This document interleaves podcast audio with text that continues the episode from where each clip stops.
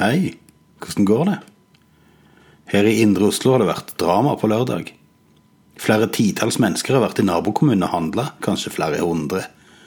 For noen trodde at nærmere én million mennesker kom til å bare tusle hjem og glemme at de hadde bil, og at polet bare fem minutter unna.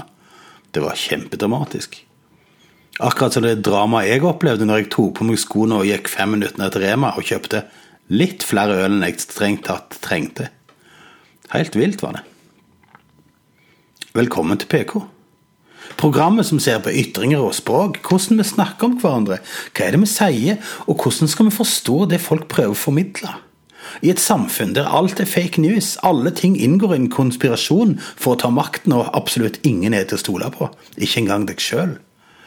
Da kan du lene deg tilbake, ta deg et glass Apferol Spritz, og la meg, Tormod Fuglestad, guide deg gjennom en forvirrende verden av halvkveaviser. Vi skal snakke om Bent Høie, om den mangedobbelte myten om penger, om Vinmonopolet og ytringsfrihetens kanarifugler. Akkurat her. Akkurat nå. Ved å uttale seg om den helt nødvendige reisen på hytta til Bjerkreim, demonstrerer helseministeren en hel rekke prinsipper om kommunikasjon, handlinger og moral. Vi kunne snakket om Schrødingers katt overført til denne handlingen, som på samme vis er helt riktig og samtidig helt feil, uten at noen av disse er gjensidig ekskluderende.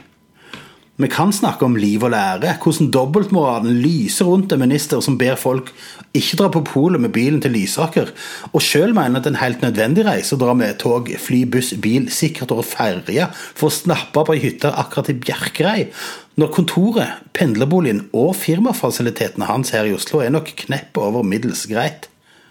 Vi kan til og med snakke om den interne kommunikasjonen i regjeringen. Hvordan ingen av de fanger opp at akkurat når helseministeren er på hytta, så kunne det vært greit at noen andre tok akkurat den presiseringen om å ikke forlate byen. At det er tydelig at ministeren enten ikke forstår eller ikke bryr seg om hvordan han blir oppfattet av folk i Oslo.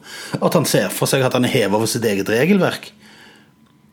Men det vi i PK syns er den beste med denne saken, det er at Bent Høie her viser seg som Norges beste satiriker.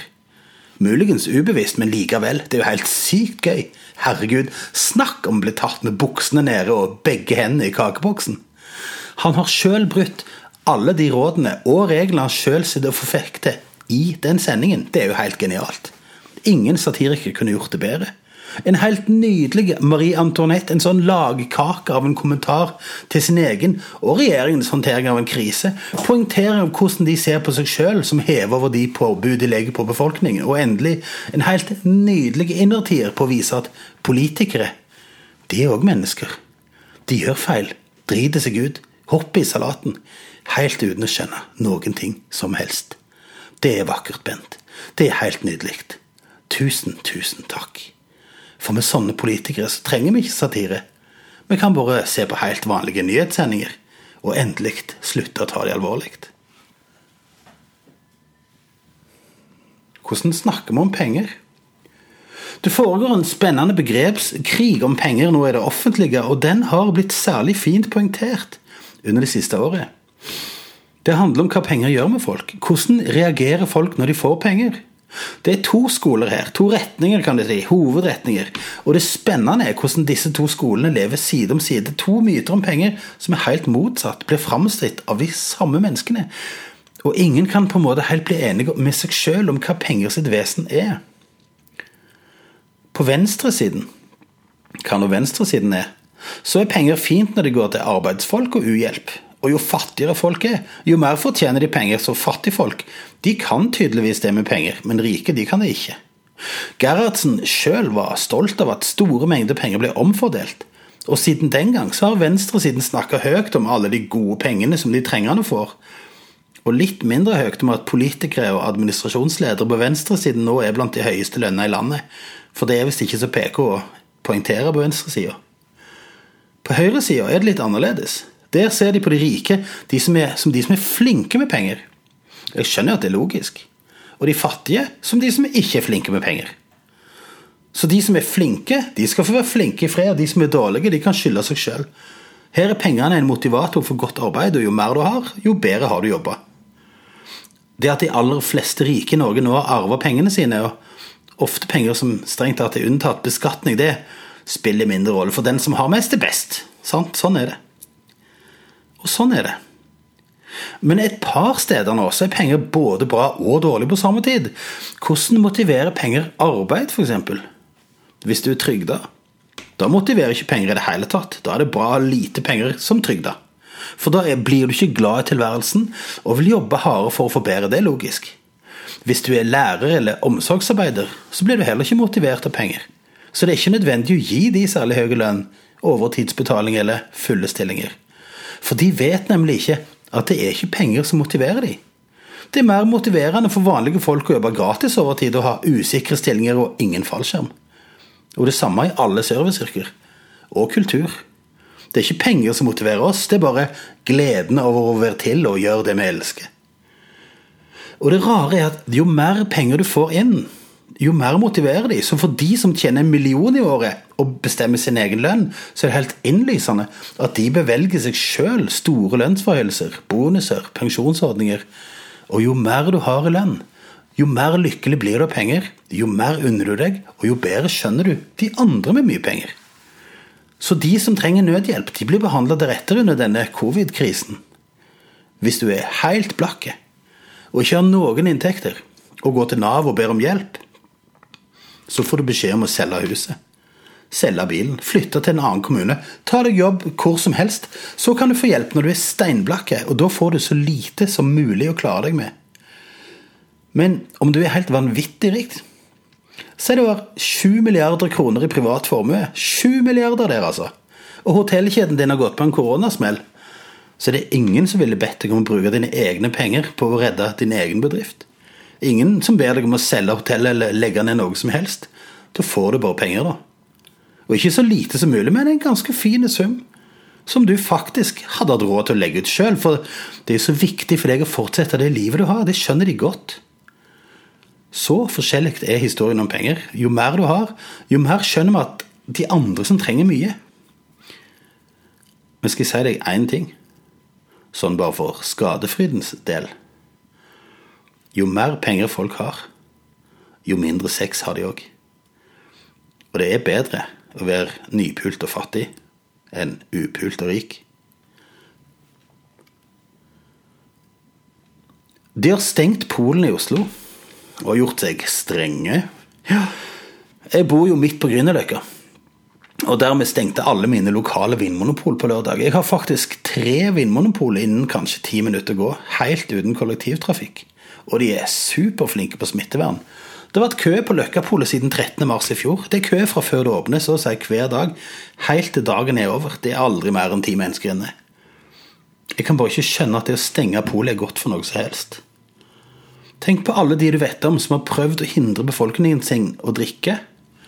Forbudstiden i USA, der mafiaen bare overtok distribusjonen. Religiøse stater med dødsstraff for å drikke alkohol, eller polstreiken i Norge, det er jo bare småtteri, men bare da. Det flytter jo bare forbruket over til ulovlige kilder. Bare at nå har vi lovlige kilder. Vi har Bærum. Og alle kommuner rundt. Tror du seriøst at vi bare lar være å drikke vin? Under den verste faens kjedeligste tid vi har hatt noen gang i livet? Vi slutter jo ikke å drikke vin i vanlige tider engang. Og så skal vi liksom under en krise, og helt uten å bli spurt eller varsla, bare ikke ta bilen til Bærum og handle. Jeg vurderer faen meg å ta toget til Hamar for å handle vin. Jeg er både arbeidsledig siden alt blir avlyst, singel, bruker masse tid på å sitte inne. Tror du ikke jeg skal ha vin? Og Tequila? Tror du jeg skal sitte her og drikke Ringnes? Altså, Vinmonopolet forplikter ikke det like mye som det begrenser. Nå har vi i Norge bestemt at staten skal sørge for et regulert forbruk. Vi har ikke bestemt at vi skal nektes å drikke fordi vi har moralister i regjeringen. Vi vil ha vin og sprit og dyrt øl for Belgia. Og særlig nå, vi trenger rusen vår. Hvis ikke dødsstraff får folk fra å drikke, tror du en oppfordring for Bjørkreishytta for hele Oslo, uten unntak, til å la være å ta en lovlig tur til et lovlig pol og kjøpe vin til helga? Det kan jeg ikke tro på engang. Det er helt rart. Altså helt rart. Og nå har det jo vist seg at det er flere enn meg som syns det er rart. Så mange, faktisk at regjeringen har ombestemt seg og lar oss nå få fødevarer, inkludert vin. Det er klart, noen syns det er dumt at voksne folk får kjøpt lovlige varer, fordi voksne gjør som de vil. Ja, Det er sånn det er i et liberalt demokrati. Voksne skal gjøre som de vil, hvis det ikke er noen fornuftige grunner til å la være. Så nå skal jeg ned på polet og hamstre nok til at det holder ut denne uka. Skål. Politiet er skuffa over at folk ikke kan avstå fra sex. Altså, ja.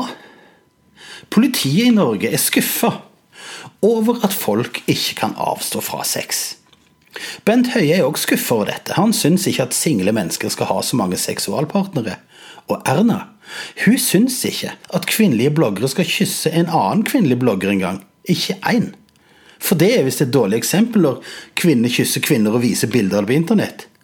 Som om det ikke finnes nok bilder av akkurat det på internett. Og nå er politiet òg skuffa over at en liten gruppe i samfunnet ikke kan slutte å pule.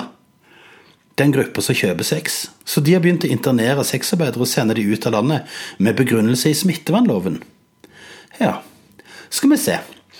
Hvilke andre grupper av arbeidsfolk er internert i Norge med begrunnelse i smittevernloven for å bli sendt hjem dit de kom fra? Hm, servitører? Bygningsarbeidere? Lærere? Helsepersonell? Musikere? Hm? Ingen? Å nei. Nei, ingen, nei. Nei, men da tenker du kanskje Da har kanskje noen funnet ut at det er smitte gjennom sex, da? At det er noen form for empiri bak dette fokuset på sex og korona? At Bent hadde noe statistikk på at single mennesker hadde så mye sex med hvem som helst at det spredde smitten? Eller at Erna hadde noen tall på at kvinnelige bloggere som kyssa andre kvinnelige bloggere, bidro i voldsom grad til at alle kvinner i alle byer løp og kyssa alle de så, og på den måten ble et folkehelseproblem? Eller at vi har testa sexarbeidere og sexkjøpere, og dermed funnet at noen sexarbeidere har spredd covid fordi de ikke har tatt noe hensyn til hygiene og sykdom. Du skjønner jo at dette er retoriske spørsmål, sant? Det er ikke noe belegg. Det er bare moral, eller moralisme, da. Det er lett å shame kvinner for sex og seksuelle handlinger. Det er lett å gripe etter gamle klisjeer om promiskuisitet som dårlig, og sexarbeidere som sykdomsberedere, og siden sexarbeidere er sykt dårlig organisert, så er de lette å legge skylda på. Men de jeg kjenner som selger sex, de er mer nøye med hygiene enn de jeg kjenner som har sex med sin faste partner, og det er ikke alle som selger sex som kysser ukjente, eller som har sex uten kondom. Og det er heller ikke alle single som er promiskuøse. Noen av oss blir glade de få gangene vi har sex med noen som vi til og med kanskje blir litt glad i. Ikke som de som har faste partnere de knapt gidder se på mens de springer fra elskerinne til elskerinne på jobben sin. Eller at kvinner er stolte av å kysse kvinner, det er heller ingen selvfølge. Det er mange som syns det er feil i dette landet òg, at kvinner har lov å være glad i andre kvinner, også seksuelt. Så når vi har en øverste tillitsmann som offentlig går ut og sier at det ene bildet den bloggeren har, det hun kysser en annen kvinne, og endelig kanskje eksponerer noe som er både tabu og veldig følsomt, da har det ingenting annet å gjøre med at den statsministeren hun har noen issues som hun trenger å ta med terapeuten sin, og ikke med pressen, eventuelt med sin kvinnelige elskerinne, når hun endelig en gang får seg ei.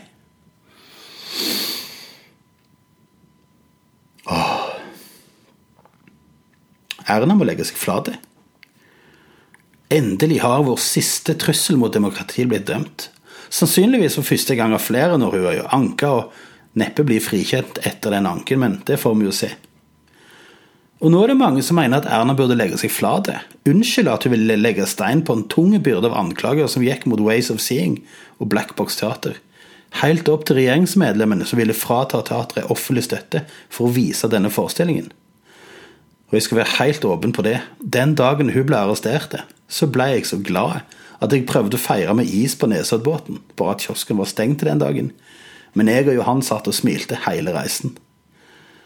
Og det er ikke bare skadefryd over at hun som skreik høyest om andres skyld, viste seg å være den verste, men det er det òg.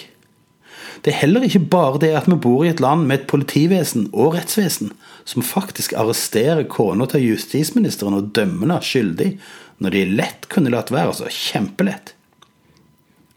Det er mest det at jeg har sett stykket Ways of Seeing, og snakket med de som har lagd det.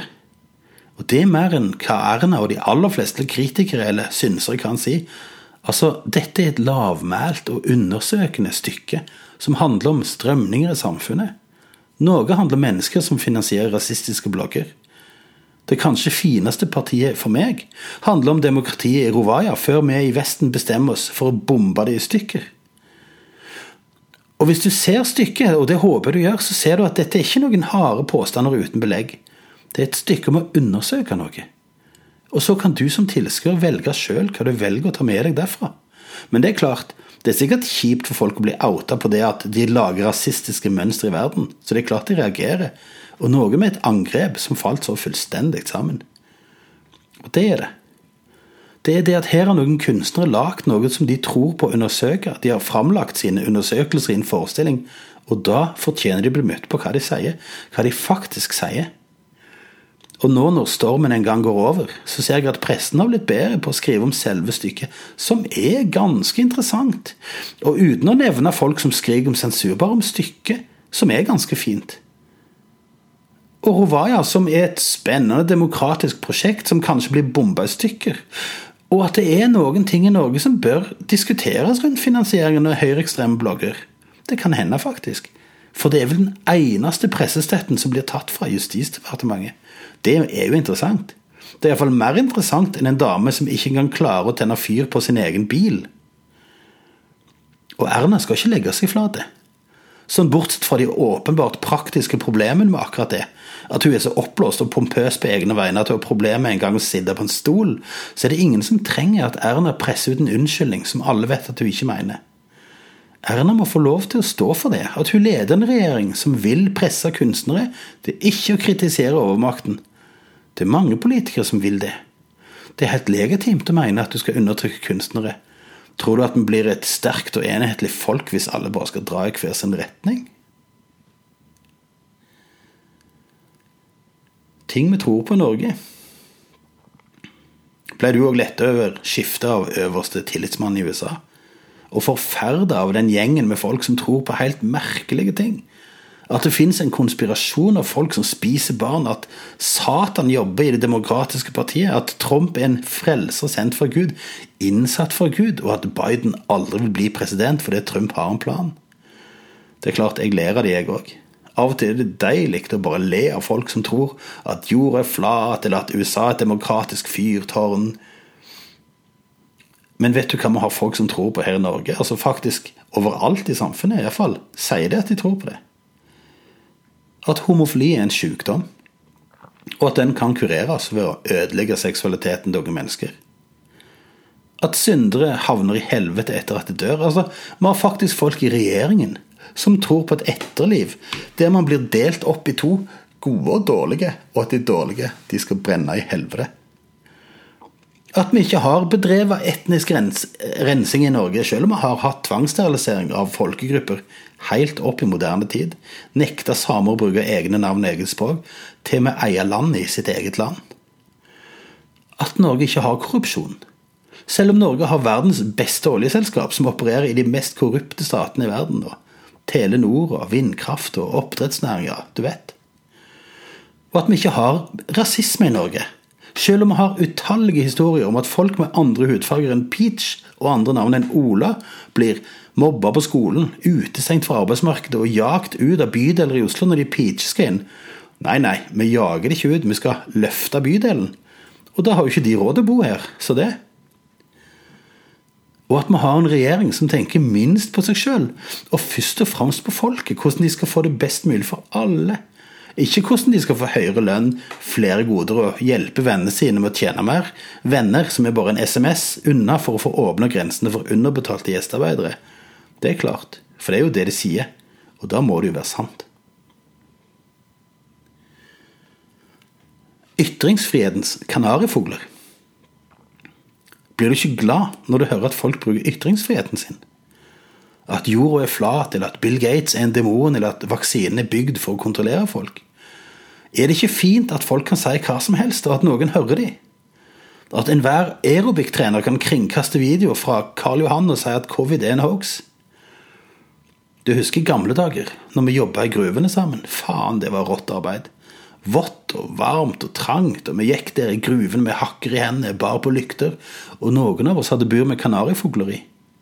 For når vi brøyt oss inn over fjellet, så var det gasslommer som åpna seg, og plutselig så sto vi der, omgitt av metangass, men det var det ingen som visste før en av oss plutselig falt om, og vi måtte slepe han ut før han døde, hvis vi rakk det. Det er det fine med kanarifuglene, de tåler mindre enn oss, de er ganske følsomme sånn, de tåler ikke metan særlig godt. Så lenge du hører kanarifuglen synge, da vet du det er trygt i gruva, sånn gassmessig. Og med en gang kanarifuglen stanser sangen og faller om, da vet du at det er farlig her. Nå må vi skynde oss ut. Og Sånn er det òg med ytringsfrihetens kanarifugler. De synger høyt om alt mulig. Noen er mot vindkraft. Noen mener at Jens Stoltenberg burde stilles for riksrett. Noen mener at politikere ikke burde ha sex med mindreårige. De sier alt mulig rart. Synger og synger. Jeg blir så glad av å høre kanarifuglene synge. For det betyr at jeg bor i et liberalt demokrati som er en ganske fin styreform. Det må ha stor grad av ytringsfrihet. Og det igjen betyr at vi får forandring. En gang i tida var det en kanarifugl som sang at jorda var rund. En annen at Gud ikke kunne fange sin kirke. At kongen ikke var Guds sendebud. At kvinner måtte fått stemmerett. At vi ikke kunne holde våre medmennesker som slaver. Og sånn har fuglene sunget så lenge vi fantes. Alle framskritt, iallfall veldig mange av de, har brutt med rådende tenkning vært sann i maskineriet, selv om mange regimer skyter fuglene sine eller prøver å få de utlevert fra England for så å fengsle de, så lar vi de synge i Norge. Vi tar til og med inn fugler fra andre land og lar de synge her. Det er helt fantastisk. Og det at noen fugler synger toner vi ikke syns er synk, det er bare et deilig signal på at gruva er trygge. Vi trenger ikke skynde oss ut. For den gangen, dagen kanarifuglene slutter å synge og faller om, da er det farlig. Og med det takker PK for seg og tar meg en velfortjent tur til polet på Løkka. Takk for nå.